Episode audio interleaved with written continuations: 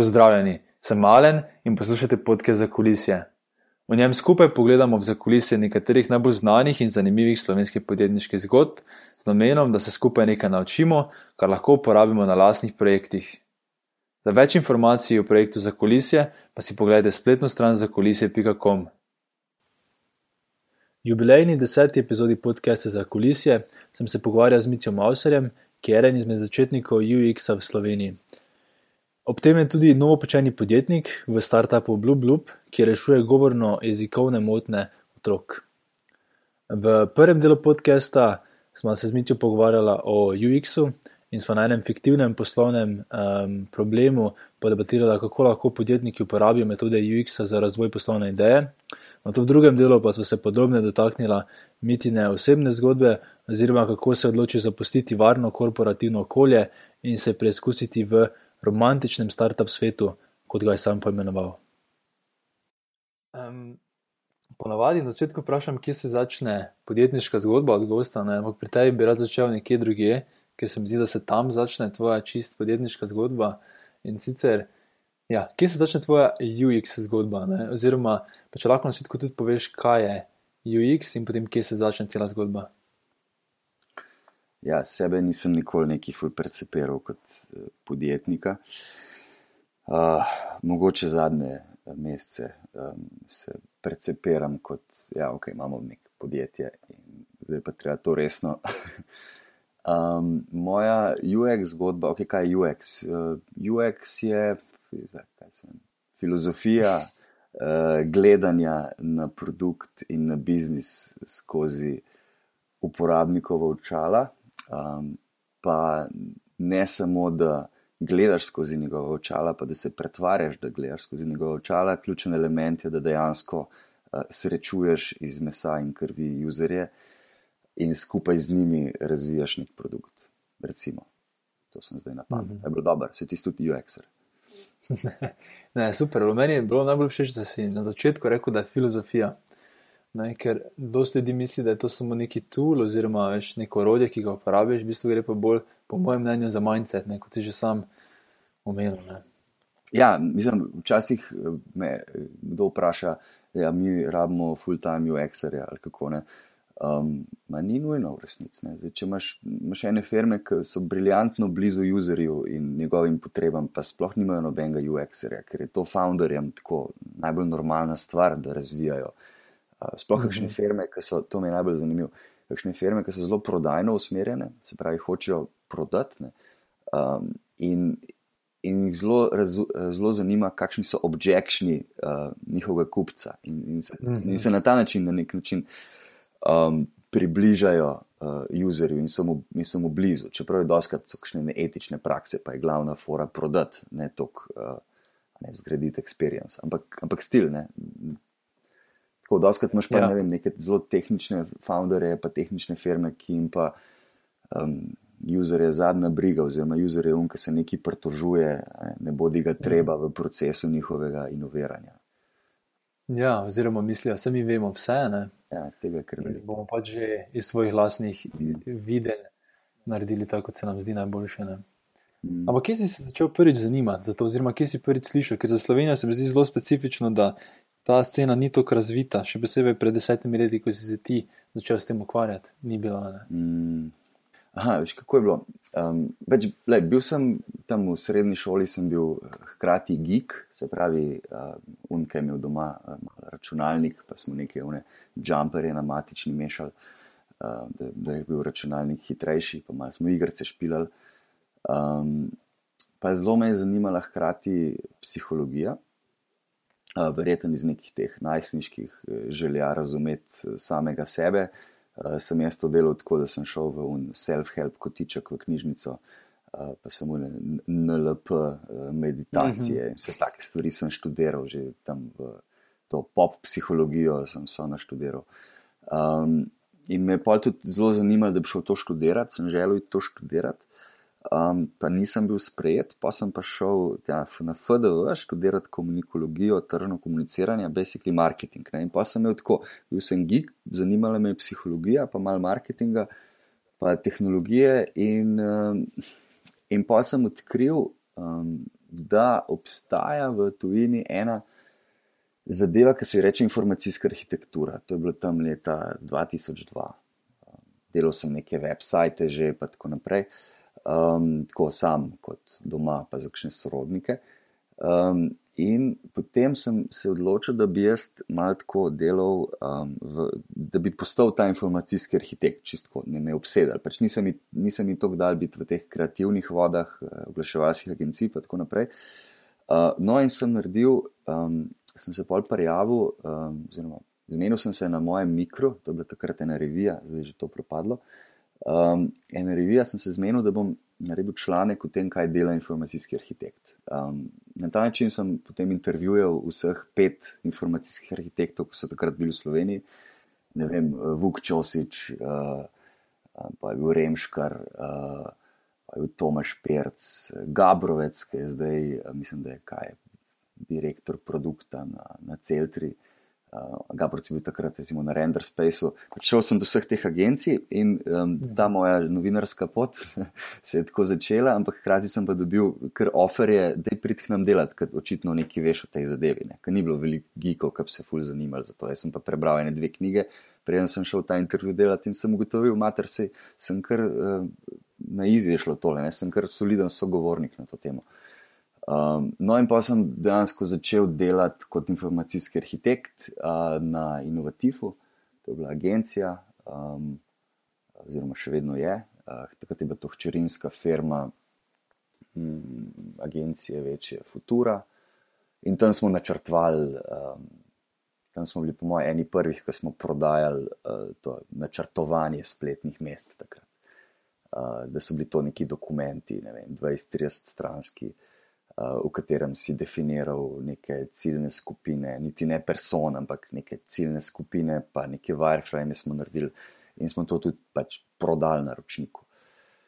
Um, to je bilo, pa, sem pa to delal ene pet let, vmes sem šel na kakšen konferenco, takrat se je že počasi začel govoriti, o, da je to UX, uh, tam leta 2005, po moje. Um, mm -hmm. Pa so bili pa te neki blogi popularni, 2006 do 2008, se mi zdi. Uh, in sem imel blog in sem to ful pisal, in smo bili neki taki frajeri, blogerski. Uh, moja tema je bila neki UX, pa internetno komuniciranje po tej smeri. Um, pa me pa nekje na enem eventu, uh, ja, pa ki si pisal, so te še pol povabili, da si ti predaval. Uh, in na enem od teh eventov me je, um, sem srečal Jugoslava, uh, Jugo me pol povabil na Delaps, Um, na Delapsu smo pa vem, Tilan, pa Jaka, pa še ne par nas je bilo. Takrat je bilo to še domenca. Um, smo pač imeli neko nalogo, da, da, da, da, se, da, da ta firma nekako raste. Ne. Moj, moj trf, moj, moje področje je bilo UX. Um, in smo najprej malo po Sloveniji to skušali delati, um, recimo mimo vrste, je bil največji klient, smo jim delali tam UX um, kar veliki UX-a, mhm. um, usability teste in tako. Um, se že dotaknem par teh zanimivih um, stvari, ne wireframe, prezona in podobno. Mhm. Moj predlog bi bil, da naredim en fiktivni primer. No, Ta fiktiven primer gre skozi celoten proces. In cilj tega bi bil, da nekdo, ki posluša ima neko podjetniško idejo, da bi dobil veš, neki blueprint, oziroma metodo, kako lahko razmišlja o svojih idejah skozi UX očala. Ne, ne samo veš, jaz imam to idejo, bom pač prvo narediti, ampak da dejansko mu predstavimo, kako lahko z UX procesom na boljši način razvijaš svojo idejo. In če želiš, ne vem, če imaš ti v glavi kakšen zelo uh, primer, o katerem rad govoriš, lahko to uporabimo, če ne ti lahko dam jaz kak fiktiven primer in ga skupaj razdelamo. No, da mi fiktiven primer. no, vidiš, Tilan nas je omenil. Tilan je v tudi uh, bil v podkastu za kulise. In čist zadnje vprašanje, ki je ponovadi, um, če ima kakšno poslovno idejo, ki bi rad delil s poslušalci, je rekel, da je razmišljal o tem, da bi bila lahko ena taka platforma za vse ta društva v Sloveniji, ne, ki bi jim pomagalo, da veš letno da poročilo um, davčnemu uradu. In da splošno pomaga za vso to administracijo, glede vodenja, veš, kdo so memberi, koliko morajo plačati, in podobno. Ne. Pa da ima to kot nek fiktiven primer uporabiti, In me zanima, če ima nekdo to zelo grobo idejo. Ne? Kaj so ti neki koraki, oziroma kaj je prvi korak, ki bi ga ti uh, naredil, da bi začel razvijati um, ta celotni koncept? Uh, ja, um, kaj bi začel? Ja, jaz vedno, vedno skušam začeti. Um, to sem ugotovil najhitrejši. Najprej imaš problem, ker recimo, če se lotiš ne, neke ideje, ne, kjer nimaš domenskega znanja, uh, je, da moraš narediti neko mešanico intervjujev uh, teh šefov društev, pa po možnosti imeti še kakšne um, društva, ki. Vem, če obstaja kakšen strokovnjak, domenski strokovnjak za poslovanje družbe, uh -huh. to je lahko kakšen računovodja, kakšen tak model, ki se s tem ukvarja. Um, Probo bi vem, intervjuvati kakšnih 5-10 ljudi, uh, si za to vzeti čim manj časa, da ni tako naporno.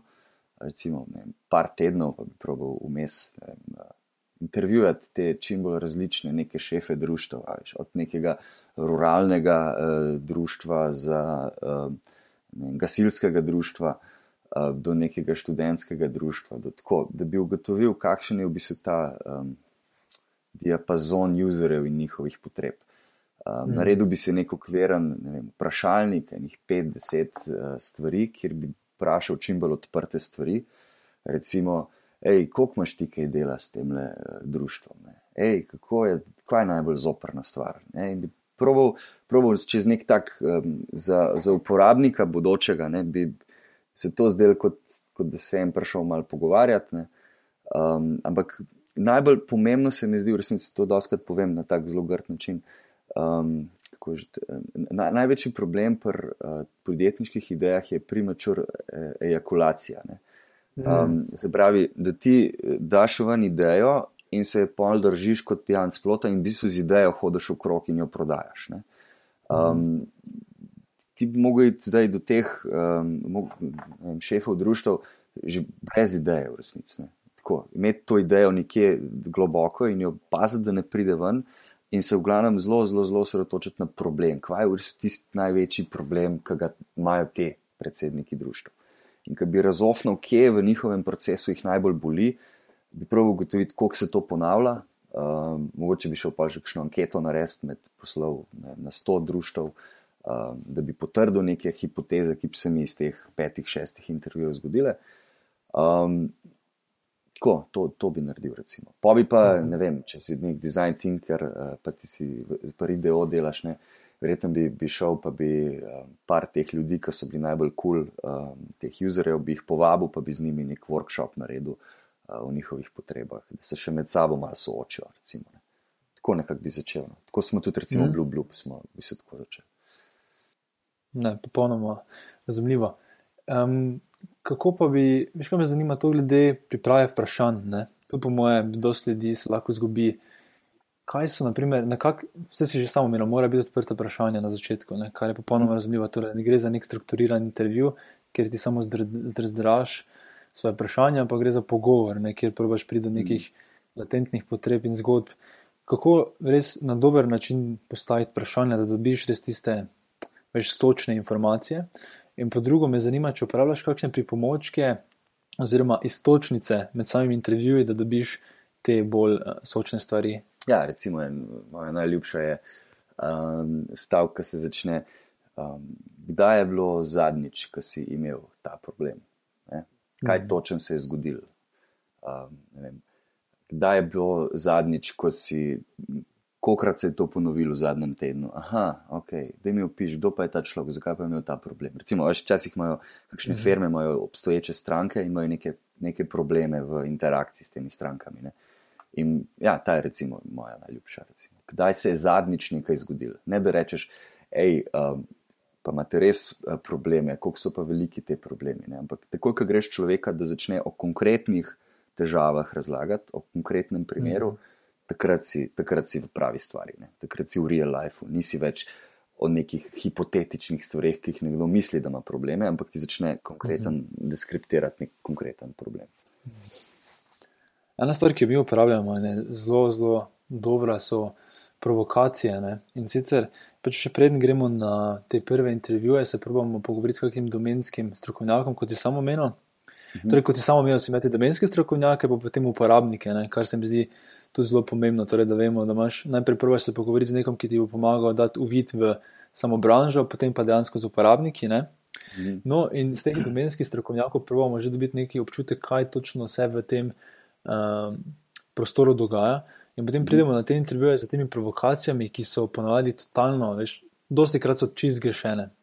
V takšne ekstreme gremo uh, z rešitvami, da veš, da bo ti uh, ta intervjuvanec povedal, to je pa res slabo, ne, ali pa to je pa neverjetno dobro um, iz tega pa tega razloga. In te provokacije v bistvu dajo potem. Včasih je iz ljudi težko izleči nekaj informacij, če pa greš v ekstreme s temi provokacijami, pa lahko res dobiš dosti bolj sočne informacije. Ta, to bi jaz tudi naprimer, priporočil vsem, če se tega lotevajo. Um, me, me pa zanima, naprimer, kaj pa je neka stvar, ki, ki jo meni intervjuji zabičaš, da ne smeš, torej če greš s kom skupaj, ne? kaj mu rečeš, da ne sme delati med samim intervjujem, veš kaj je no-go.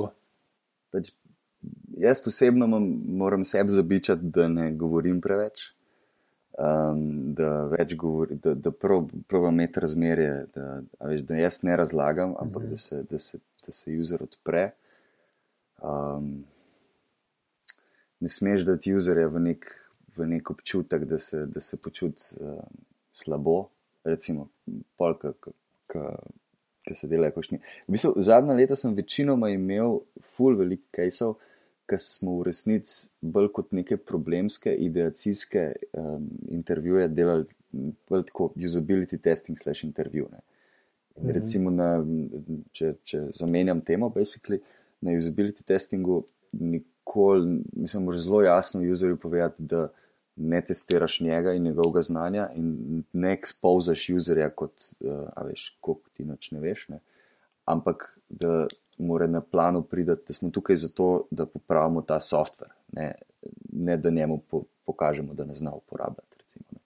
Ta, uh mhm. -huh. ta čutek samozavesti je nekaj, kar userju ne smeš, z, z, um, ja. smeš uh, kaj, z, z, zrušiti. No, um, Veliko se ljudje ne odprejo, full hitter. In če, če intervjuvanc um, ne zna porivati, mislim, če unka intervjuje, ne zna ne zna biti dober poslušalec. Um, se zelo hitro kaj zapre, pa usmeri v mhm. neko smer, ki si jo ti pričakoval že vnaprej. Tako kot doskrat novinari uh, dan danes delajo, da imajo že zgodbo vnaprej narejeno in pa sem jasno, jasno, jasno, ok, gremo domov. Mhm. Ja, to se meni tudi zdi zelo pomembno in sem čisto v praksi videl.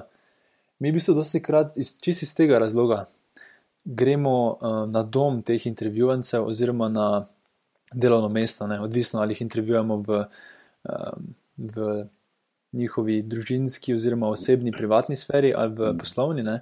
Ker če greš k njim, so nekako lahko, so dosti krat bolj odprti, da se odprejo in potem je spet ta sočnost informacije dosti bolj no, kvalitetna. Enega, ki se spomnim, uh, delal sem interfejs za uh, eno peč. V bistvu, inter, digitalizacija neke peči na pelete je bila, ena slovenska firma. Uh. In smo šli, recimo, k družinam domov, Uh, in smo se dve ure z njimi pogovarjali o tem, koliko jim ta peč pomeni, kaj z njo delajo, koliko jim porab. Tako, veš, in so te pelali v svojo klet. Ja, kako, ja. Pa, kako pa napolnite pelete? Ja, tako, kje pa dobite Točno pelete? Až tako, full, full sočno, full dobro. Najprej malo weird, tako je ne pet minut, ne? ko so se pa ti prišli pogovarjati o mojih pečih, um, pa se pa razvija. Recimo. Ja, in pa vidiš, kako lahko ta en intervju v bistvu ti pomaga. Uh, in lahko postane vodilo, mogoče celo za cel projekt, ne? ker dobiš mm. take res kvalitetne informacije. Ampak, ko smo mogli zdaj se dotakniti teh informacij in te sočnosti, meni se zdi eden izmed kritičnih elementov, ki sem se jih sam osebno zelo težko naučil, in ta sinteza. Veš, ko imaš nekaj tedno res ogromne količine podatkov, oziroma pač 10 intervjujev, 20 intervjujev, kakorkoli, ne? imaš ogromno kvotov in eh, kako ti osebno izluščiš potem iz vsega tega pomembne informacije in ugotoviš, ok, to je pa zdaj naslednji korak. Ne, isto, meni je to vse isto, te intervjuje, no? ali te začetne intervjuje, ali usability testing. Na koncu nastane nek um, iz zapiskov, probam, mislim, včasih grem še poslušati kakšne posnetke, če obstajajo. Um, ampak ja, na koncu probam dobiti enih pet, šest, uh, ne, če na začetku produkta so to design principi.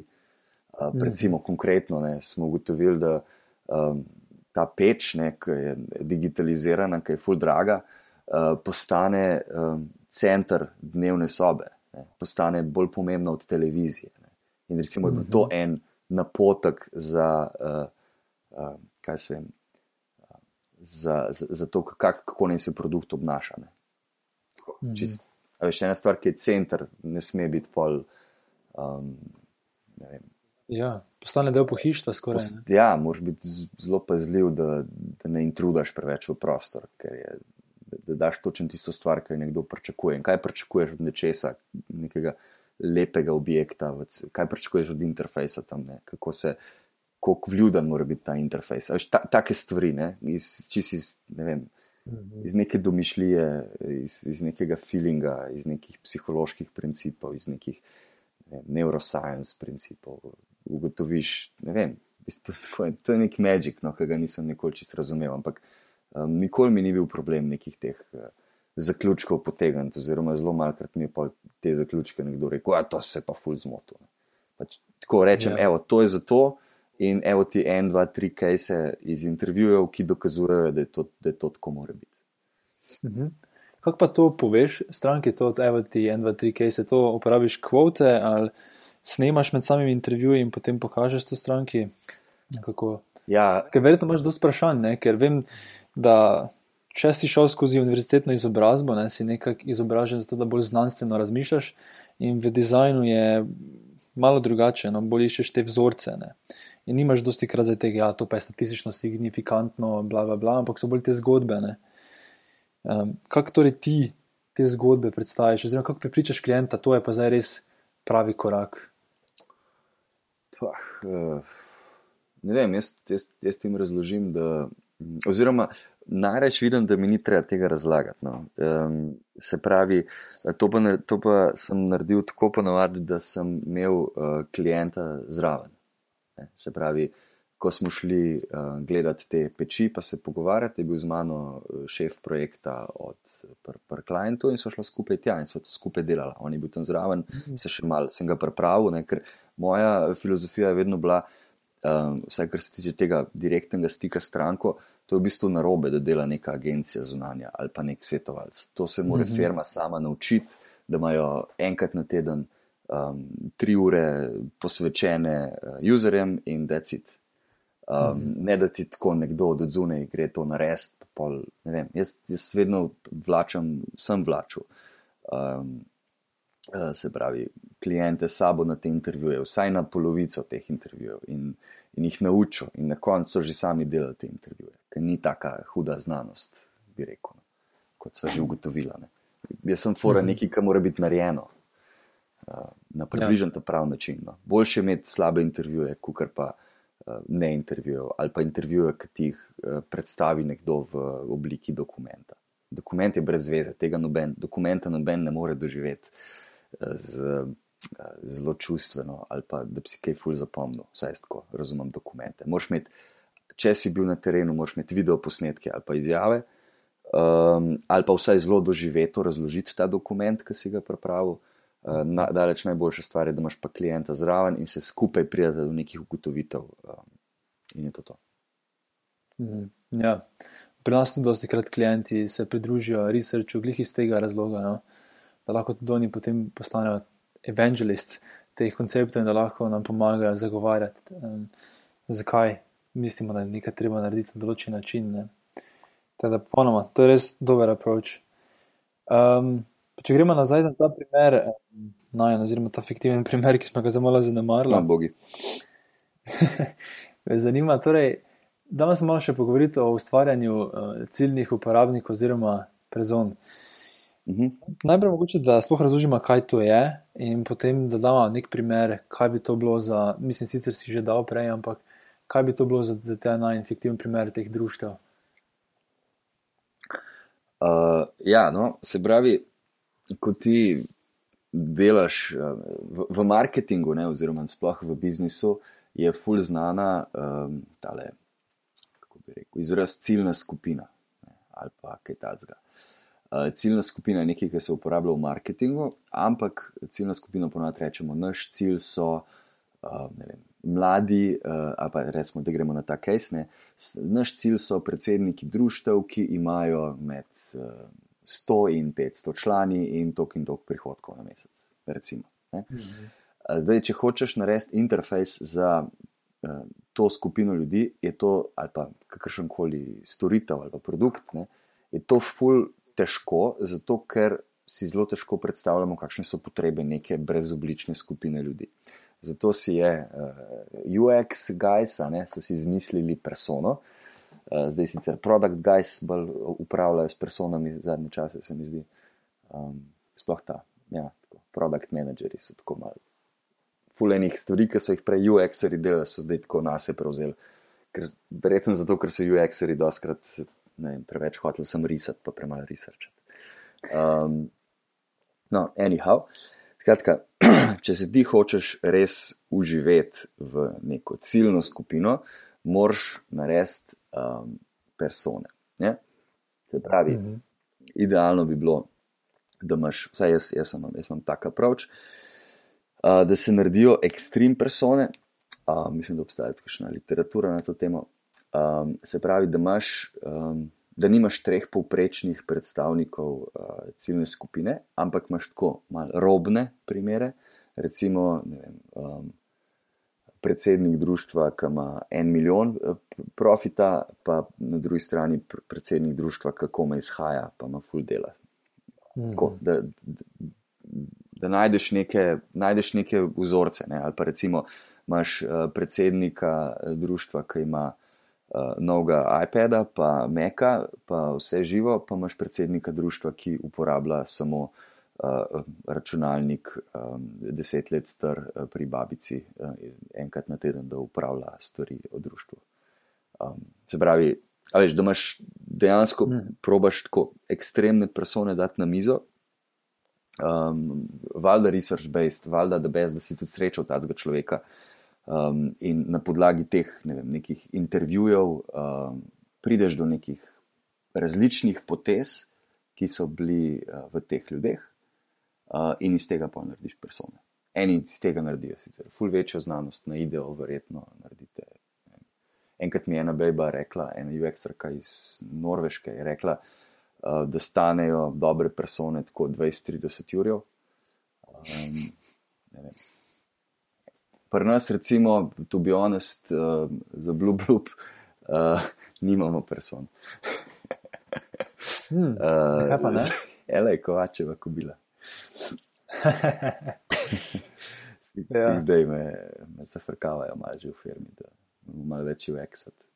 Ampak enostavno, um, vem, na začetku smo bili full blizu userjem, se pravi. Um, smo srečali tako 200 logopedov, pa se ne zafrkavam, uh, 40 staršev, uh, intervjuvali, um, sinteze pa nismo naredili. Ne? In v bistvu sploh ne čutim neke blazne potrebe, da bi, da bi delal sintezo, da bi se obesil na, neko, na, nekem, na nek fiktiven karakter. Ne? Uh, ker lahko vedno v glavi posrčam. Uh, en konkreten primer, ali pa par konkretnih primerov.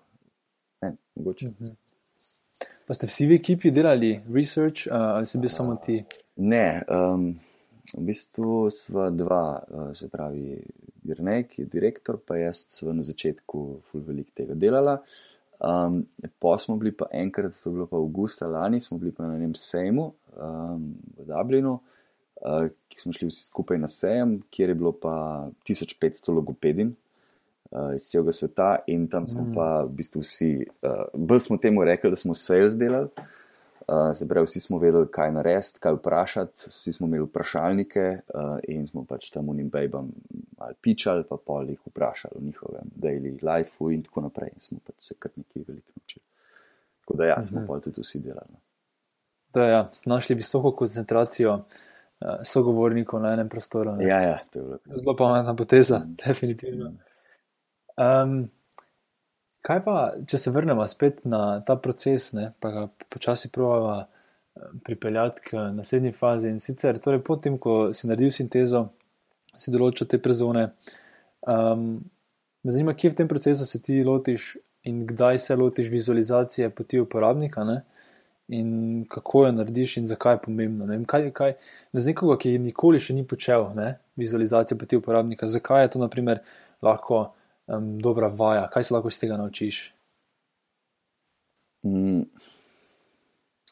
Ja, no, vse to, to je nekaj, kar mi je v resnici veliko um, bližje. Um, se pravi, persona, ne, če, če, če gremo propisno po UX, po UX nekih metodah, ne, imaš najprej persona. Ne. Persona je nekdo, uh, neka oseba, ki ima neke lastnosti, neke potrebe in neke probleme. Recimo.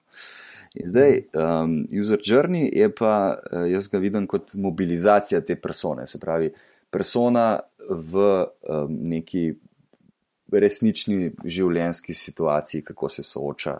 Vem, zjutraj, recimo, lahko, lahko vizualiziraš um, povprečen dan neke persone. Recimo, ne. Rečeš, ok, ta predsednik društva zjutraj um, pogleda, če je kakšen nov član. Um, ima, jaz bi se ta društvo, škaj, Tilan, Tilan, mislim, da je bil enkrat predsednik društva. Ne enih študentov ne, in mu je to ful blizu, ker je to delo. Jaz, jaz sem, se, sem tudi imel nekaj društva, ampak nisem nikoli uh, te birokracije ful štekal, so jih drugi delali. Um, tako da mi je ni čistko blizu, kaj v resnici uh, počne nek predsednik društva ali pa nekdo, ki upravlja društvo. Ampak ja, uh, se pravi. Katerkoli primer je basically isti. Ne? Se pravi, imaš persono in zdaj tebe zanima, kje v procesu ona doživlja kakšne probleme, Eh, kje v procesu so ti problemi veliki, kje je zadovoljstvo veliko. Um, in uh, recimo, eno vizualizacijo tega lahko narediš um, pred produktom, eno pa po produktu, recimo, ko že imaš idejo ali pa produkt. Ne? Se pravi, um, idealno, če imaš že idejo, pa tako naprej, ne, uh, je potem razmišljati, kje v uporabnikovem procesu, kje v uporabnikovem dnevu. Eh, se ta uporabnik sreča s tem produktom um, in, in kako ga zadovolji, in kako se počuti prej in potem, in take stvari. Tako, vem, kako pa bi preidevo to delati, kako bi temu društvu pomagali. ne, se je zelo podobno, se ni, tako si sam že rekel, več metoda je samo um, pot do nekega cilja, ne, se za ni, ni metoda tisti glavni del. Teda, imaš ogromno različnih variacij. Pač včasih enostavno narišemo, si vzamemo eno veliko um, tablo in začnemo risati po njej, smo v skupini štirih, mm -hmm. in potem en reče: Ja, jaz pa mislim, da v tem trenutku je ta um, vzrok za, za to obnašanje, bi lahko bilo to pa to, da imamo tudi neke psihološke vzroke. Potem barrier, da bi to naredil, vse to pa to. In po v bistvu imaš na koncu en taki veliki, veliki zmazek na, na tabli, ki smo ga stokrat prikrižali in spremenili. In po na koncu pač to mogoče zapakiramo na neki plakat, da lahko predstavimo klientu. Ja, se mi zdi, da je dober, dober ta, ta workshop, ne, je tako zgleda pa tako kot War Room ali pa tako kot Crime Scene, mm, ja. scene, investi crime scene Investigation, ali šuno tako.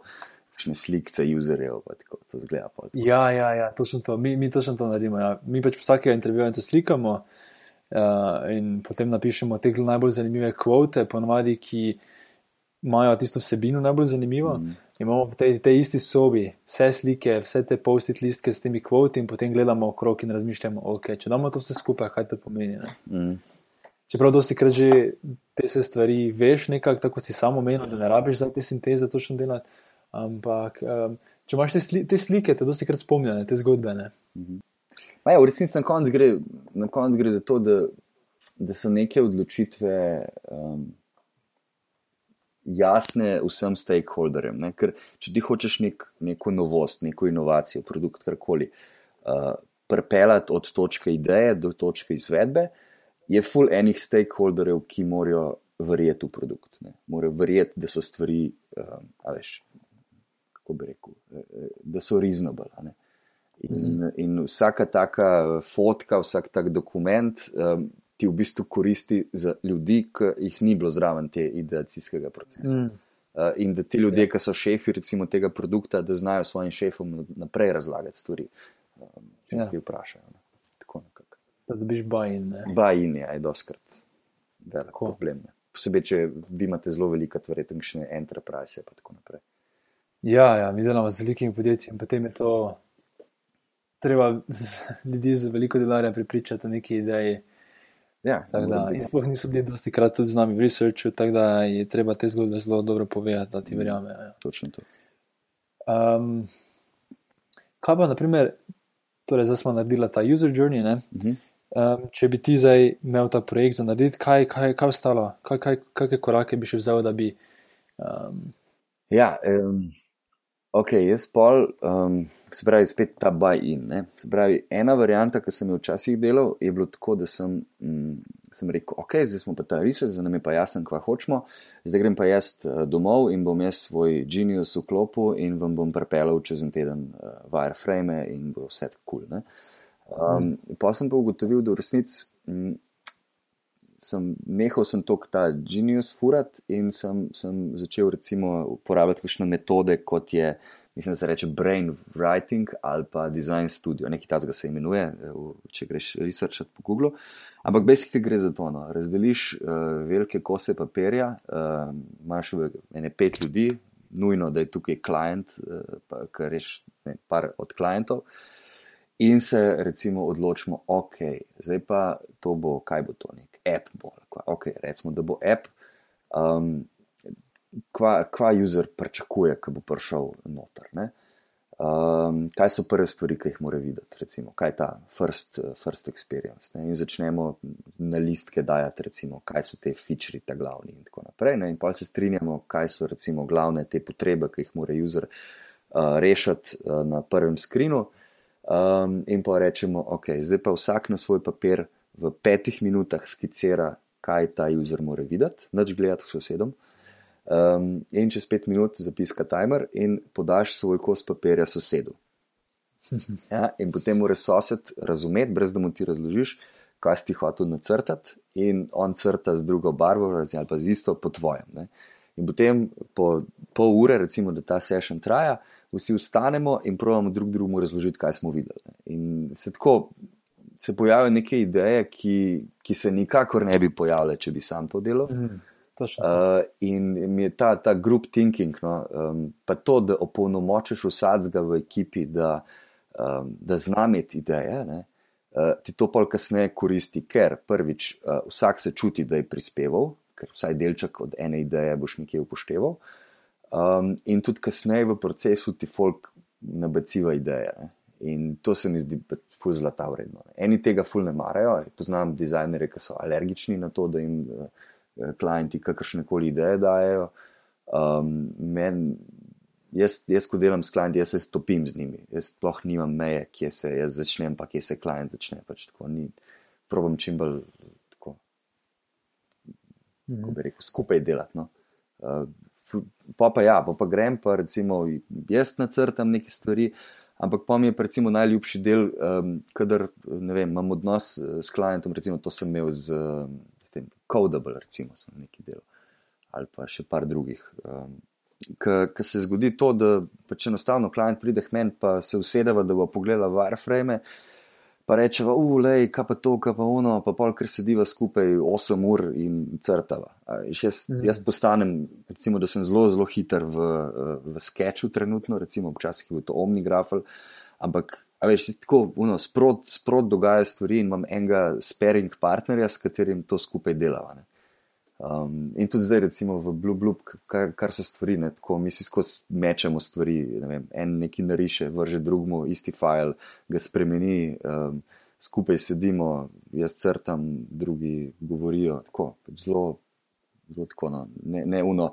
Uh, se mi zdi, zelo velikrat se zelo slabi produkti ro- rodijo, ker uh, gre nekdo v svojo posvečeno jamo in v njej Ja, grunta tedne in tedne in pride ven, vs prešvican uh, ne, in, in reče: Evo, to sem naredil. In pa vsaka kritika je že problem, ne, ker kdo osebno vzame. Jaz sem se trudil tri tedne, vi pa tako zdaj. ne." tega je ful velik ne, in tega emocionalnih barijer, da bi se produkti šejpali. točno to je. Ne. To sem jaz tudi opazil tukaj pri Aidu, da čist vsako stvar, ko imamo, ne, vedno debatiramo v skupini. in Včasih se ti že zdi, kot da gremo v krogih, ampak je to ful pomembno, da v ekipi skoraj vse prediskutiraš, ker vidiš, da, v, da vsak, vsaka oseba ima nek svoj vidik ne, In če bi se ti, tako si sam rekel, samo vsedel in naredil nekaj, bi pač bilo zelo omejeno. Ne? Tako postane dosti bolj bogat model, um, dosti več stvari lahko vidiš in lahko predvidiš, ne? kar je fulj pomembno, ker ti privrčuje lahko dosti časa down the line. To, kar pa si govoril o emocijah, pa tudi lahko iz osebne izkušnje povem, kar je fulj zanimivo, da ja, no, ko začneš se ukvarjati s tem design thinkingom in splošno tem group thinkingom, je to zelo močno. Ja? Da moraš dojeti, da nekdo, ko pove neko zadevo, da ne kritizira tvoje ideje, ampak proba povedati svoj vidik in potem skupaj ugotoviti, ok, to. Ne, veš, ne tako biti defenziven, ne? ok, on je zdaj napadal mojo idejo, ampak biti ok, čekaj, to je pa lahko dober input za mojo idejo, ne? lahko skupaj nekaj naredimo še boljšega. In to naučiti se mi zdi, da je ključno pri takih zadevah, kot je UX, pa nasplošno, tudi pri podjetništvu, da nisi defenziven, ampak da res poslušaš ideje in da, da si sposoben integrirati z svojim vidikom. Ja, meni je to prišlo šele tako z letino. Sem bil včasih zelo, tako, mm. mislim, defenziven. Ja, nekaj časa sem bil kar defenziven. Oziroma, um, mogoče iz časov, ko sem delal v, v agenciji, agencijah. Tako, um, recimo v Sloveniji zelo veliko nekega UX-a izhaja iz nekega oglaševalskega razmišljanja. Ne? In oglaševalci, um, et, se mi zdi tudi zelo razlika, kako prodaš UX. Ne? Um, če prodaš UX, kot, uh, a veš, včasih kdo pride in reče, hej, um, tole pa tole imamo za narediti, uh, website ali pa app ali pa nekaj, da povej, koliko to stane. Um, in jaz vedno rečem, mej ne vem. Lej, jaz sem imel včasih take stvari narejene v dveh dneh, včasih pa v dveh mesecih, če sem visen, kaj se bo zgodil. Ne? In, in pa reč, in pa sem ponovadi, um, ko sem UX prodajal, ne, pač sem rekel, le, tako le stane en dan je tokle, uh, dajmo začeti, po, po dveh dneh boš videl, kako smo kam prišli, če pa nismo, gremo lahko tudi na razen, nimam nobenega problema s tem. Uh, Medtem ko agencija, ne, oglaševalska, tipična, pa prodaja, um, ali pa dizajneri, ne, pa reče, evo, en website stane, um, ne vem, sem zmislil cifro, en website, dizajn stane 3 ure ali pa 5 ur, se vse enko. In potem oni pride, in potem ta dizajner pride z neko idejo k klientu in jo bombastično predstavi, včasih kdo tudi sprinta, recimo, to so nakapa plošče, website ali kaj takega, ne sem zato, da čim bolj, čim bolj bombastično izpade. Ne vem, kako je pri vas, pri ideu, ampak v glavnem to sem, to sem videl veliko. In ti pravi prodati tisti dizajn, ker če mu pa ne rata prodati, on z vsako iteracijo zgublja uh, cache. Mm. Ja. Ker z vsako novo iteracijo on več časa porabi in ima manj uh, efektivno uh, plačanega uh, časa. Ne? In mu je blazno v interesu, da proda že prvo verzijo ali pa drugo.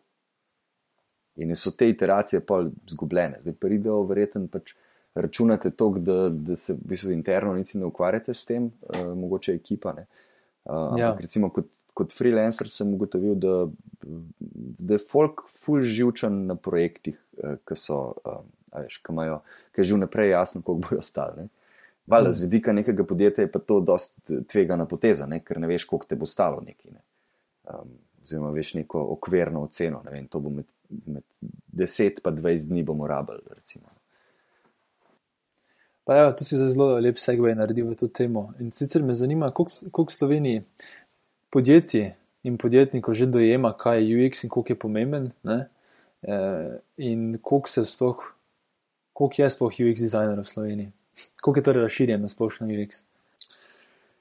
Uf, um, um, jaz sem pred leti ustanovil uh, skupino uh, UX Slovenija na Facebooku, zdaj je tako ene 2000 članov. Po moji oceni v Sloveniji vsega skupaj 10-15 ljudi, ki bi si lahko rekli, da so vekseri, pa še te ljudje so tako, uh, vem, en je na Dunaju, en je Sa v Salzburgu, um, en je šel v Švico, na koncu, ki šteješ, koliko nas je. Tako pač UX-eri, ki približno štekamo in to delamo, ali pa smo vsaj pet let to full-time delali. Um, nas je ful mal. Hkrati je pa ful, ful enega zavedanja, da je UX pomemben. UX, že sem rečeš, UX jim je že jasen, kaj to je. Jim je jasen, da je to nek research treba delati.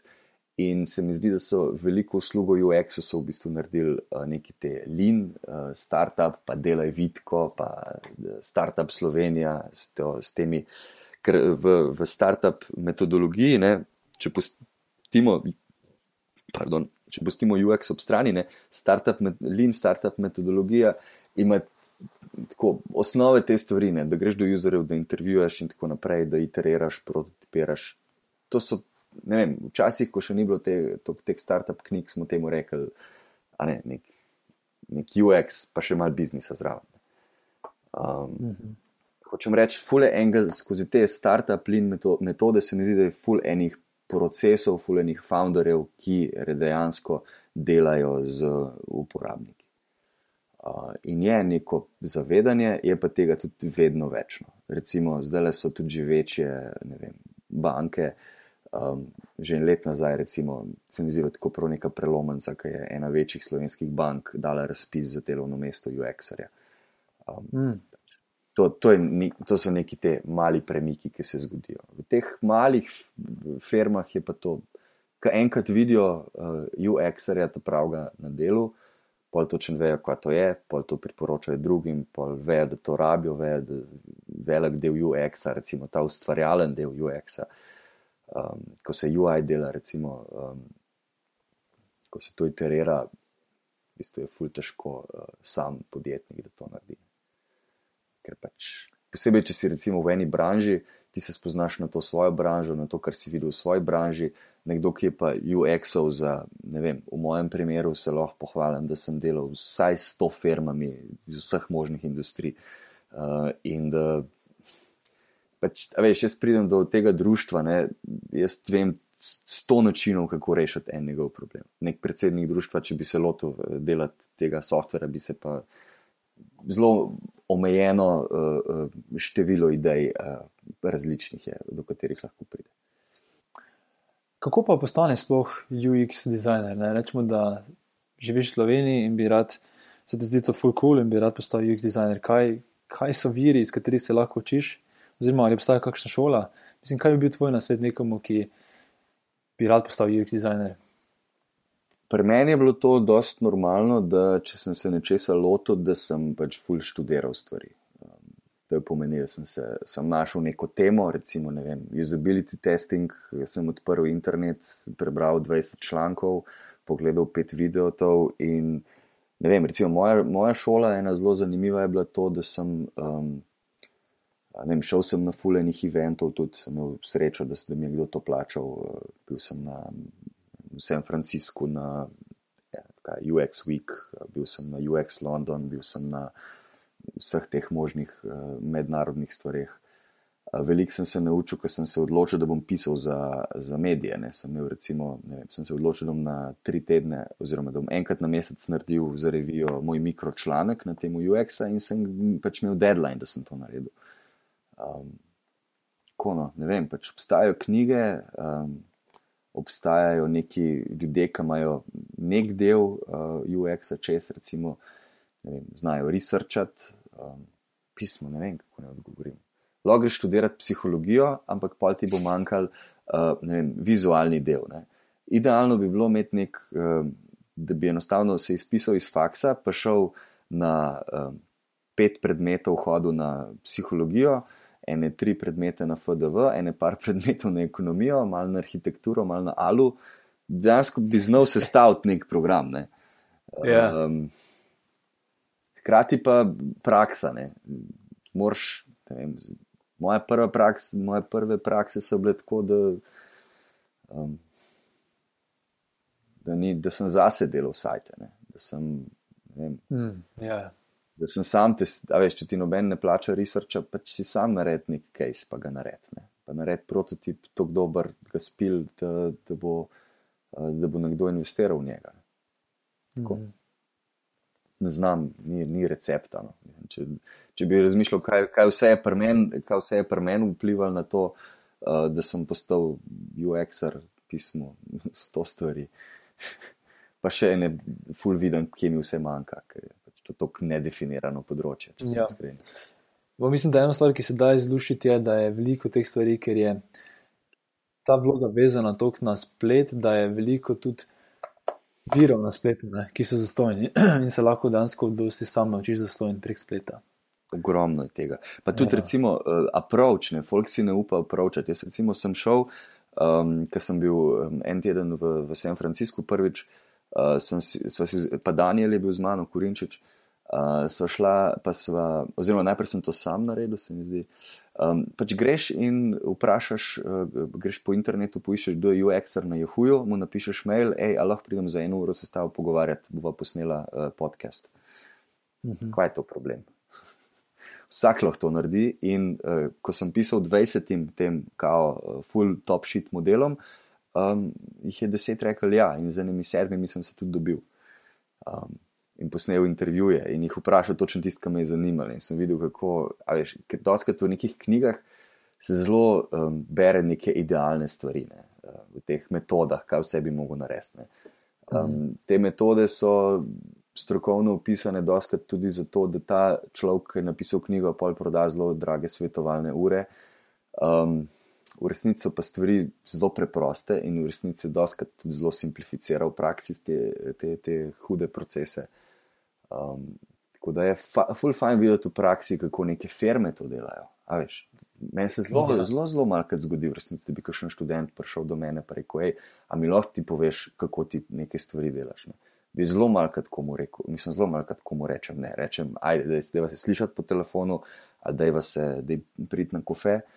Um, en, en od teh ljudi, ki je prišel uh, do mene, recimo, je bil uh, Jrnej, ne, uh, s katerim smo pa naredili, v bistvu tam blub, blub skupaj. Uh, ampak ja, ful premalo folka, ki bi neki. Um, se mi zdi, da to, kar si rekel, da je veliko znanja na internetu, ja, ga je.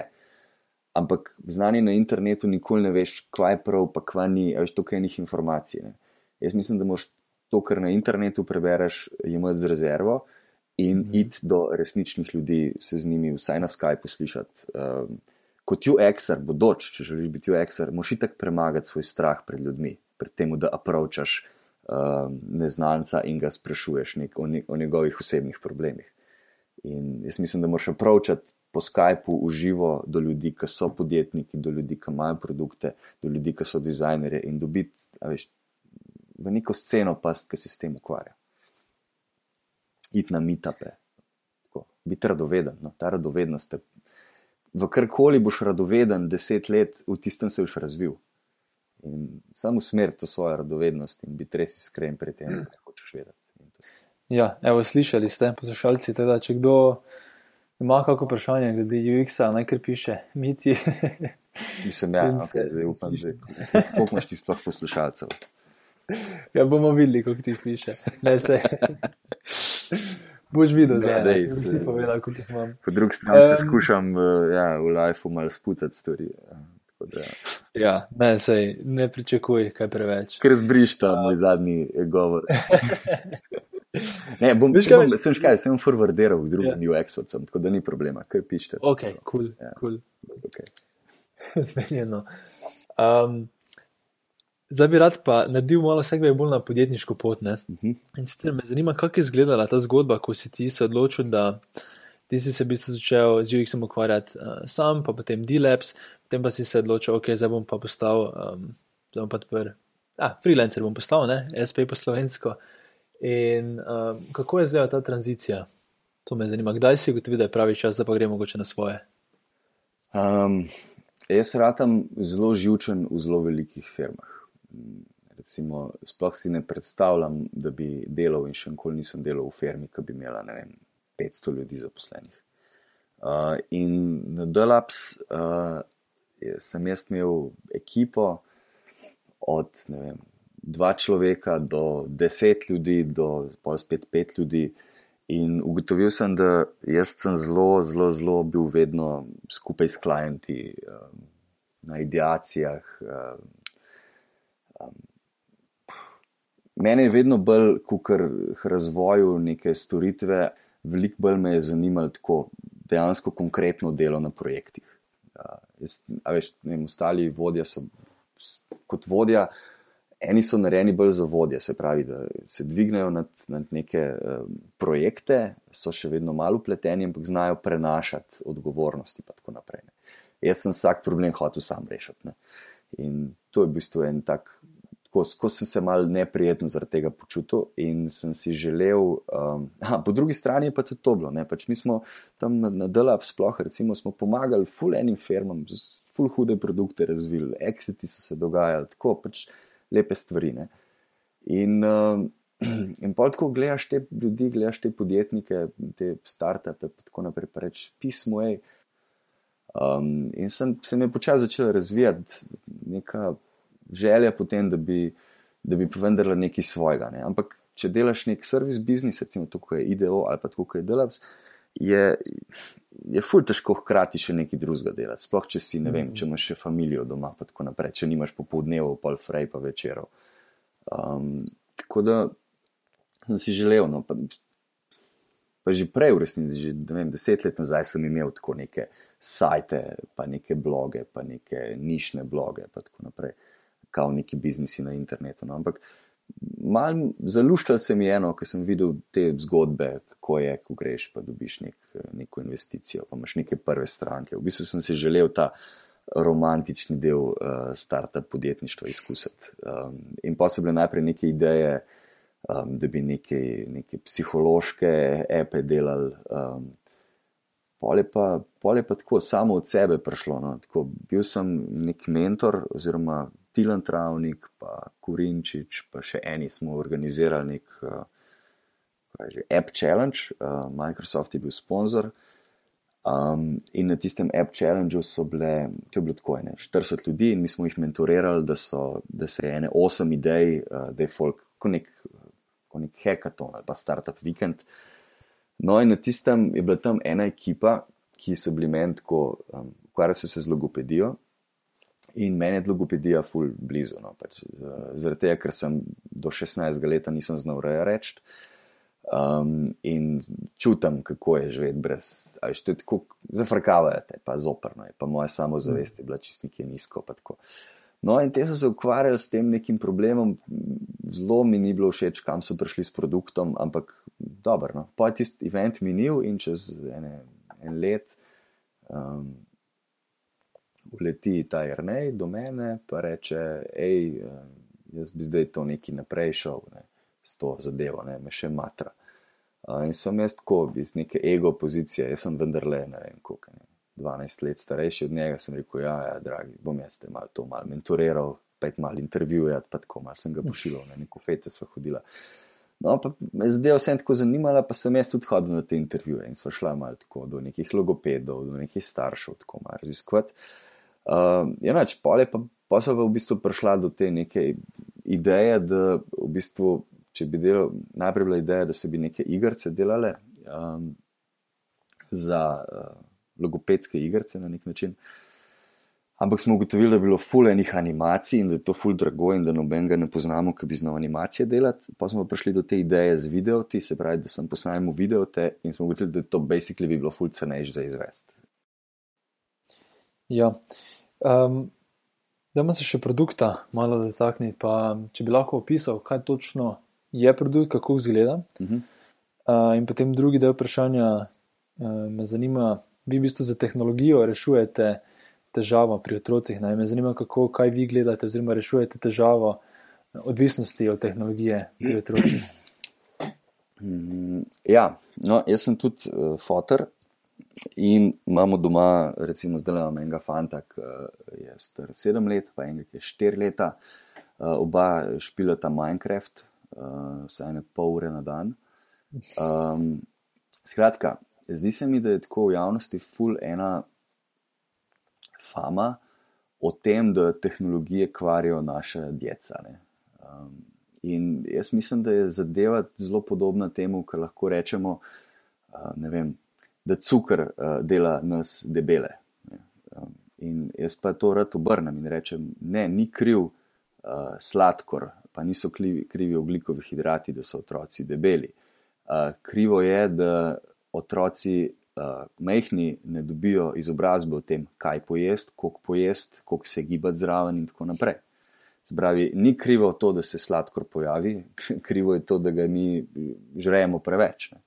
Mhm. In podobno je pri tehnologijah. Ne. Če ti um, otroku daš pravo mero, pravo dozo, ne, ne več kot pol do ene ure na dan, recimo, pa si zraven njega, ustvarjaš z njim, iš, mu ti najdeš tiste stvari, ki razvijajo njegovo logiko, prostorsko predstavo, vse živo. Tehnologija je čudovita za otroke.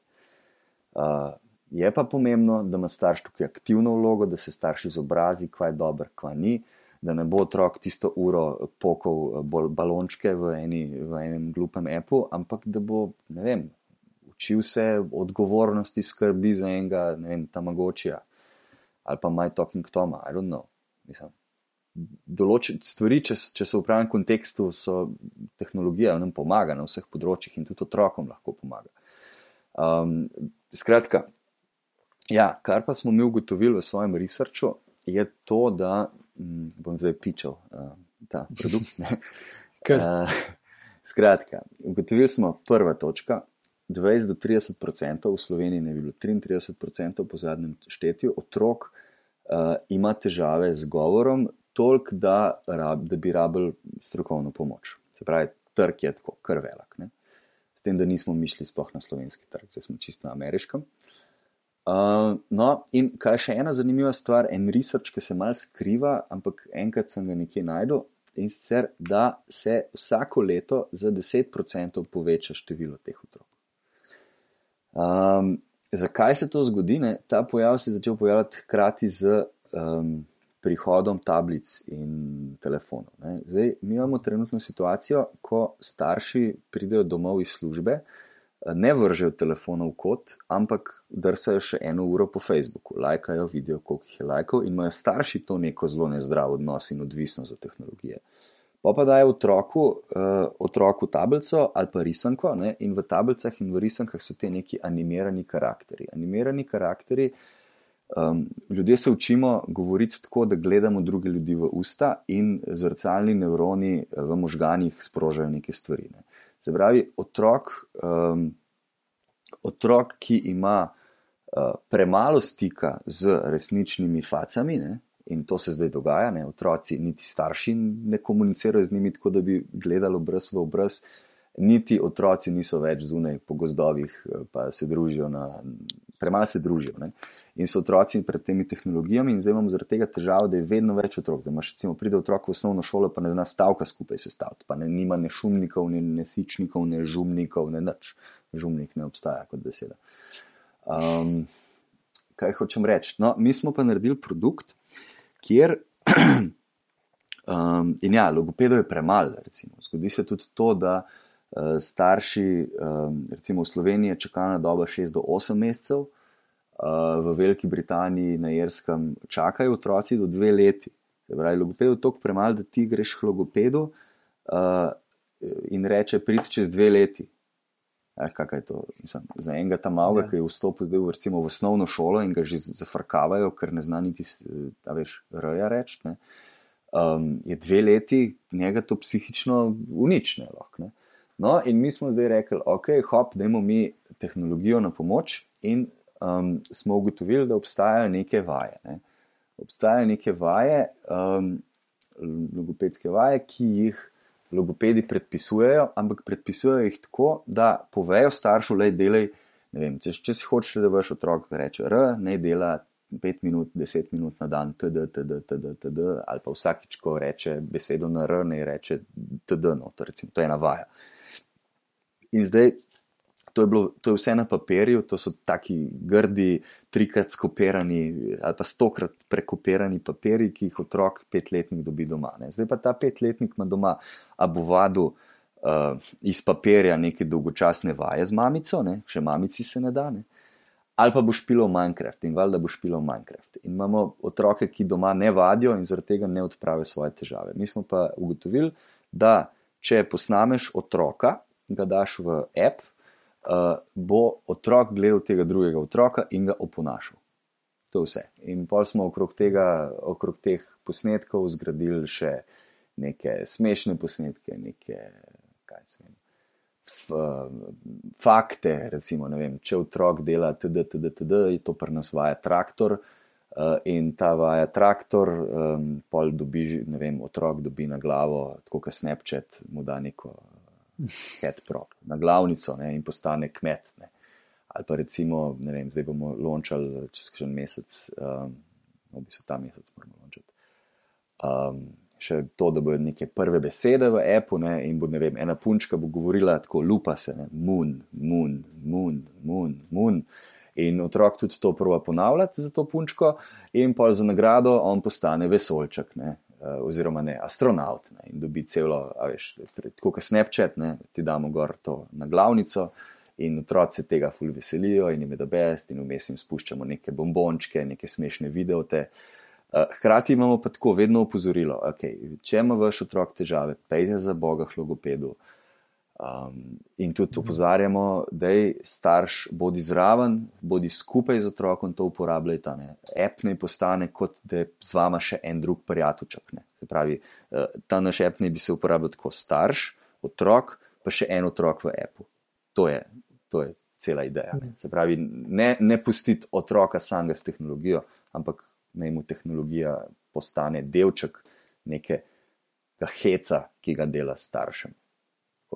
Sem, as, tehnologija samo asistira, ne sme zamenjati interakcije. Ja, Tako. razumem. Dobro, pičo, boš investiral. Pošti mi cifre, pa se pogovorimo. Ej, uh, veš, kaj me zanima in sicer. Um, Predvidevam, da ste že testirali učinkovitost same zadeve. Ne? A imaš morda kakšne rezultate, ki bi jih lahko delil? Mm, ja.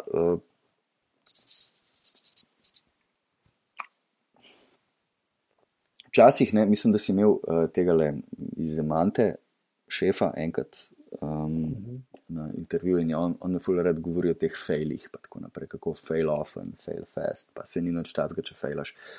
Um, jaz imam pri nas, težko rečem, da smo resno podjetje uh, iz prihodkov, ki jih imamo, um, še ne moramo preživeti, um, ker je to zelo nizko, ampak lepo gre. Um, ampak v bistvu. Tudi če zapremo, ne, uh, bi zelo težko rekel, da smo failali, zato ker smo že zdaj pomagali toliko enim otrokom, imamo toliko enih reviewov, ok, trenutno je enih 70 eh, ratingov na App Store, na, konkretno na ameriškem jih je 48, um, kar je tako začetek, ne šele ne. Ampak ti reviewi so iz, skoraj izključno pozitivni. Uh, in v teh reviewih uh, mi beremo stvari, kot so, hej, moj otrok ni, uh, se ne odziva na nobeno terapijo, uh, 14 dni, odkar uporabljam vaš app, je začel oponašati živali in to je največja stvar, ki se nam je zgodila, ej, full hvala. Uh, imamo, log, imamo logopedinjo, s katero delamo uh, zelo veliko in proba to na Down sindrom otrokih. In te Down sindrom otroci se odlično odzivajo, to jih umiri um, in z veseljem posnemajo te otroke v appu in se full zabavajo in jim je hudo. Imamo avtiste, ki se um, imamo vem, primere avtistične punčke, ki se je, ko je ta app uh, pred sabo dobila, se je prvič na terapiji sploh umirila, da so sploh začeli z njo delati. Um, tako no, pač. Tako je teh zgodb, da tudi če, veš, tudi če gre vse v grunt, težko rečem, da smo fejali, ker smo naredili ja. nekaj lepega. Ne. In se mi zdi, da smo našli tako nek, nek biznis, ki je zelo redko, no, zelo redko vidiš, da, da je nekaj, ki je um, it's good for the humanity, pa hkrati je lahko lep biznis, se mi zdi. No. Ja. Ko, to bomo še videli, še zelo veliko eh, dela pred nami in uh, še zelo veliko možnosti. Ne. Ko začneš startup, jih je mislim, da 70%, ki ne preživijo prvega leta. Uh, mi smo zdaj preživeli prvo leto, tako da smo že, ne, že več verjetnosti, da bo kaj iz nas. Ampak ja, imamo eno zelo fino zaupanje uh, med sabo in od, od uporabnikov in tako naprej da beste. Ja, ne, res je lepa zgodba. Težko najdeš kaj proti njej. Um, tako da čestitke in veliko sreče. Mm.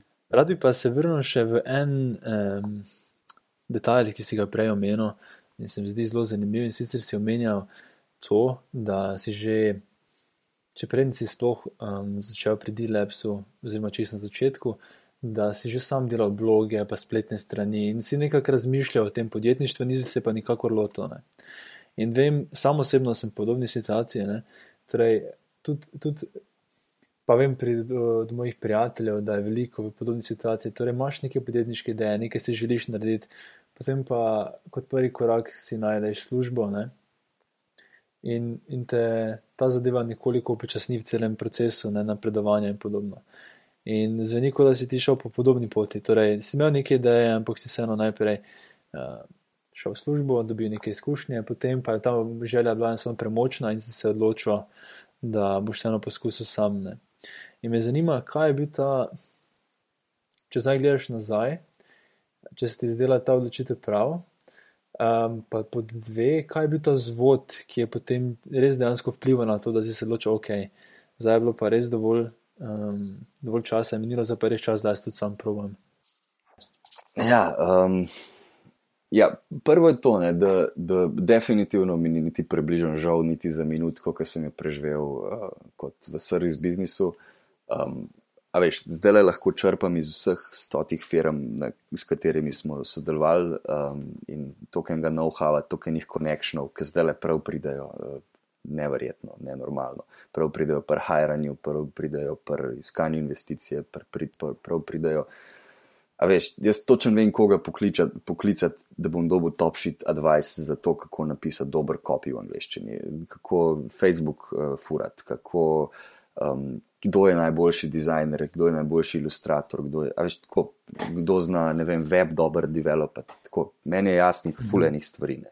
Ravno zaradi tega, ker sem dal ta um, nek šiht čez. Ne, um, tako da, zdaj, kaj pa bil ta. Gra, Mislim, neko tako zelo lušno na ključe. Jaz, jaz sem po naravi zelo, um, kako bi rekel, zelo nemerna duša. Ne? Zelo velikrat me neka stvar ful zagrabi, uh, Eh, pa me pol tudi zelo hitro spusti. Ne. In nevarnost pri ljudeh, kot sem jaz, se pravi, nek, eh, ko si v agenciju, ne, ti si tudi v agenciju, je najbolj nevarna stvar je ta shiny object syndrom, se reče. Ne.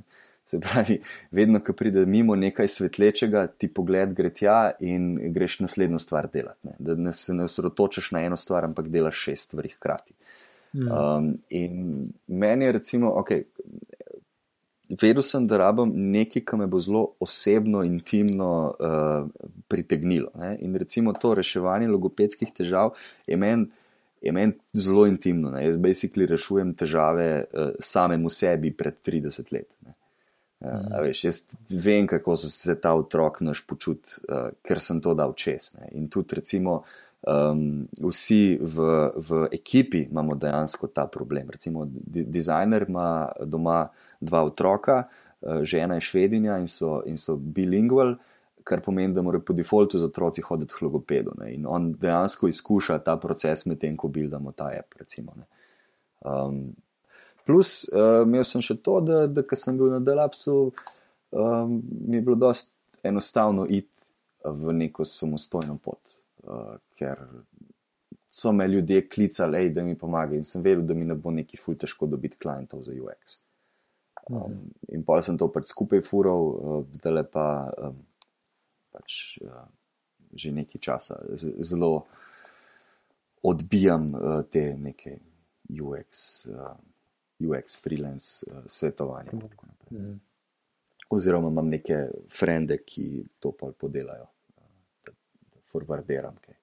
Ali pa mhm. svetujem koga, da bi jih do drugega delal. Ja, zelo zanimivo. No? Torej, najprej si dobil izkušnje, socialni kapital, pa, pa je končno ta prava ideja, prišla, pri kateri si čutil to zavezo, če prav razumem. Ne? Ja, pač, polk. Plus, recimo, to, to mi je bilo kul, cool, no? ker sem se z Jrnejem začela s tem ukvarjati in bi bilo fully jasno, kako so vsi različni. Ne? Ne vem, on mlajši, jaz starejši, on zagnan v božjo mater, pa vse probal, jaz eh, že mal bolj prekaljen, pa da je na počas se ta prava stvar odločiti. No. In, in je tako, pač fulejnih stvari je padlo skupaj, no. tako, na ključja se dogajajo, če ne, pogumnim ali kako že ne. Unim, kaj veliko probajo, se tudi prava na ključja zgodijo. No. In ja, imel sem tudi ne dva, tri prototipe, že prej narejene, česa, česa bi, bi se lotil. Ampak je vsak ta prototip tako obležal v predalu. Ne. In se nisem neki nasilil, silo, zdaj bom pa jaz podjetnik ali pa neki. Ali pa da bi rekel, da sem že, ne vem, eh, blaž, blaža sem poslušal prvih deset minut uh, kosa. Aj blaž kos. No, on je rekel, ja, jaz sem že od malega, ne, sem hodil z detkovo aktovko. Mm, ja, ja. Si bil dober, dober kvot. Veš, tako eni si fuj želijo že od malga biti. Ne. ne vem, jaz od malga sem vem, na kmetiji gor rastu in uh, psa sprehajal po gozdovih uh, in uh, bil v delovski družini, ki je bil glavna vrednota. Bod priden, kar je pomenil ne delati stvari drugače kot vsi ostali, uh, pa najti eno službo v javni upravi, pa pridem bo v šoli. Mm. Pač ni, ni, nismo imeli nekega podjetniškega mindseta. Uh, niti približno. Ne. Meni se je ta navlekel, sem se tega podjetniškega mindseta, ker sem delal s podjetniki, ker so mi bili tako kul, cool, v bistvu sem jim zavidel. So imeli neki. Čeprav pa, ko greš od blizu, vidiš, eh, ne vem, en kolega, um, ki ima startup, je rekel, jo, veš, kako s tem rečem demoni. Ne, in, in, in razlagal mi, ne vem, stari jaz enkrat na teden nekje v kotu jokam, to je zajeban, zdaj le, ker niso imeli Veš, tako, doskrat je tudi tega, ful, ful, velik, um, da folk zelo traumira, kam ima startupe. Ja, nekatere demone pa si ti, na primer, naletel do zdaj. Demoni. Um, a veš, kot, kot nekdo, ki je ful, ful velik, um, ko si v fazi, ki imaš idejo. Ne? Uh, ta ideja je nevalidirana, in kot nekdo, ki se ima za nekoga, ki kao dober UX dela, ne, dobre produkte dela, uh, naš produkt je tako dost um, nenavaden, ne. uh, tako drugačen. Ne. In prvi demon je bil to, definitivno, kako sploh eh, ta coming out naresne. Zdaj pa, imam, zdaj pa to moj produkt.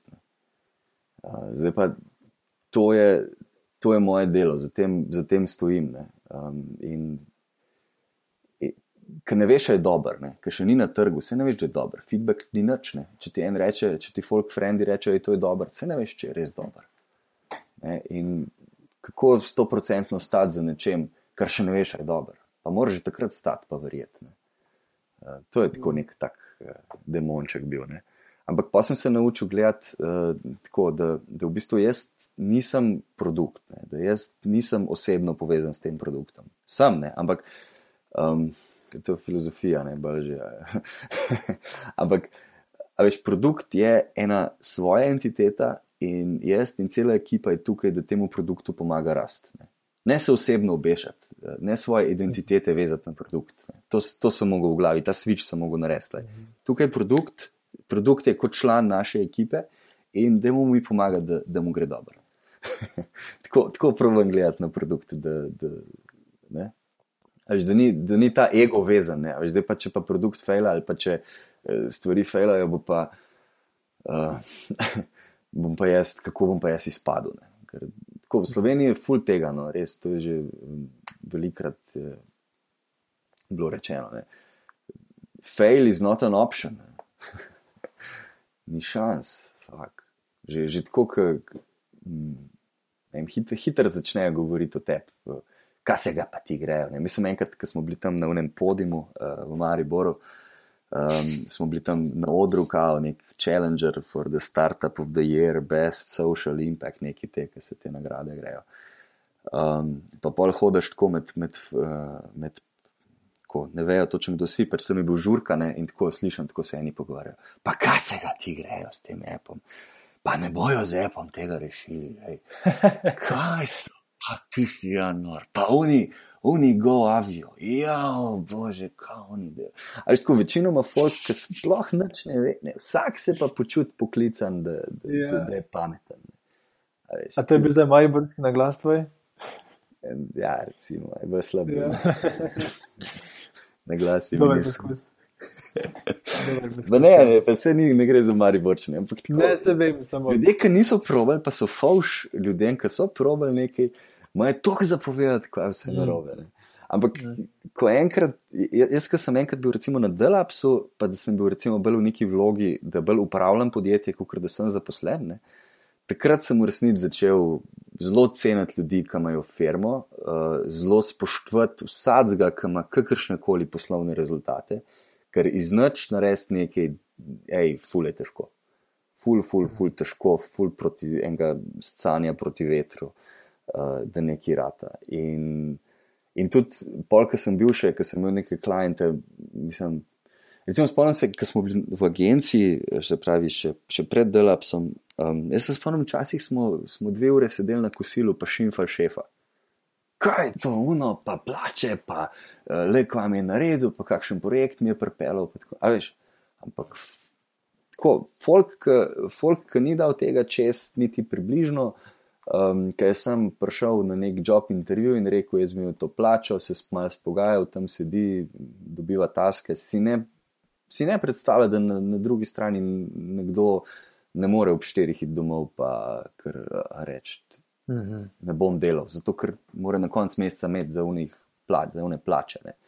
Uh mhm. -huh. Tako, ful sem začel dejansko, ko sem se mačkam podal na to uh, vlogo, um, ful sem dobil spoštovanja do kogarkoli, ki se tudi mater frizerka tam, ki ima skozi uh, dovolj poven salon, da, ma, da si plačo pokrije. Hej, respekt, tako, ful imam respekt. To se mi zdi čudovit um, zaključek tega pogovora. Torej, respekt vse, ki so spili nekaj stvariti z nič. Um, Preden končamo, samo še, um, če poveš, kje te lahko poslušalci tebe in, in blub, blub tudi najdejo na, na spletu. Mah, lej, kovačeve kobile so zdaj tako bose, da um, na, App Store, na App Store se app imenuje First Blabs, um, ampak se bo zdaj imenoval drugače, še v enem mesecu. Um, Blueblue.org je website, ampak je že vse, kar je tam, je outdated, tako da zdaj le tudi to prenavljamo. Um, na Twitteru sem zelo mal, uh, največ sem na Facebooku v skupinah, kakšna UX Slovenija. Uh, Noč me ne moti, če me še ne znam za frenda na Facebooku, pa me po Messengerju kontaktira. Uh, to mi je v bistvu ful boljš, kot kar uh, kakšni maili. Um, da, ja, ker Facebook je po mojem the way to go. Pa na Snapchatu sem tudi velik. V bistvu moram malo spet uh, neko digitalno dieto narediti. Hvala, Mitja, za tvoj čas. Um, hvala za vse zgodbe, ki si jih delil. Ne? Ja, ok. Eh, hvala tebi, se sem jaz tebe par stvari vprašal. Tako, to je vse v današnji epizodi. Če ti podcast za kulise všeč, te vabim, da se prijaviš na mailing listu na zakulisi.com, da boš obveščen ob objavi naslednje epizode. Zaenkrat se je izkazalo, da je ena epizoda na dva tedna dobra frekvenca, tako da bom kar nadaljeval s tem. A ja, pa hvala vsem, ki ste oddali ocene in komentarje na iTunesu, Za tiste, ki pa še tega niste naredili, vas vabim, da mi tako pomagate razširiti besedo o tem projektu, saj z vsako ceno in komentarjem iTunes boljše nagira podcast in ga potem lahko odkriješ več ljudi. Hvala še enkrat in se slišimo v kratkem.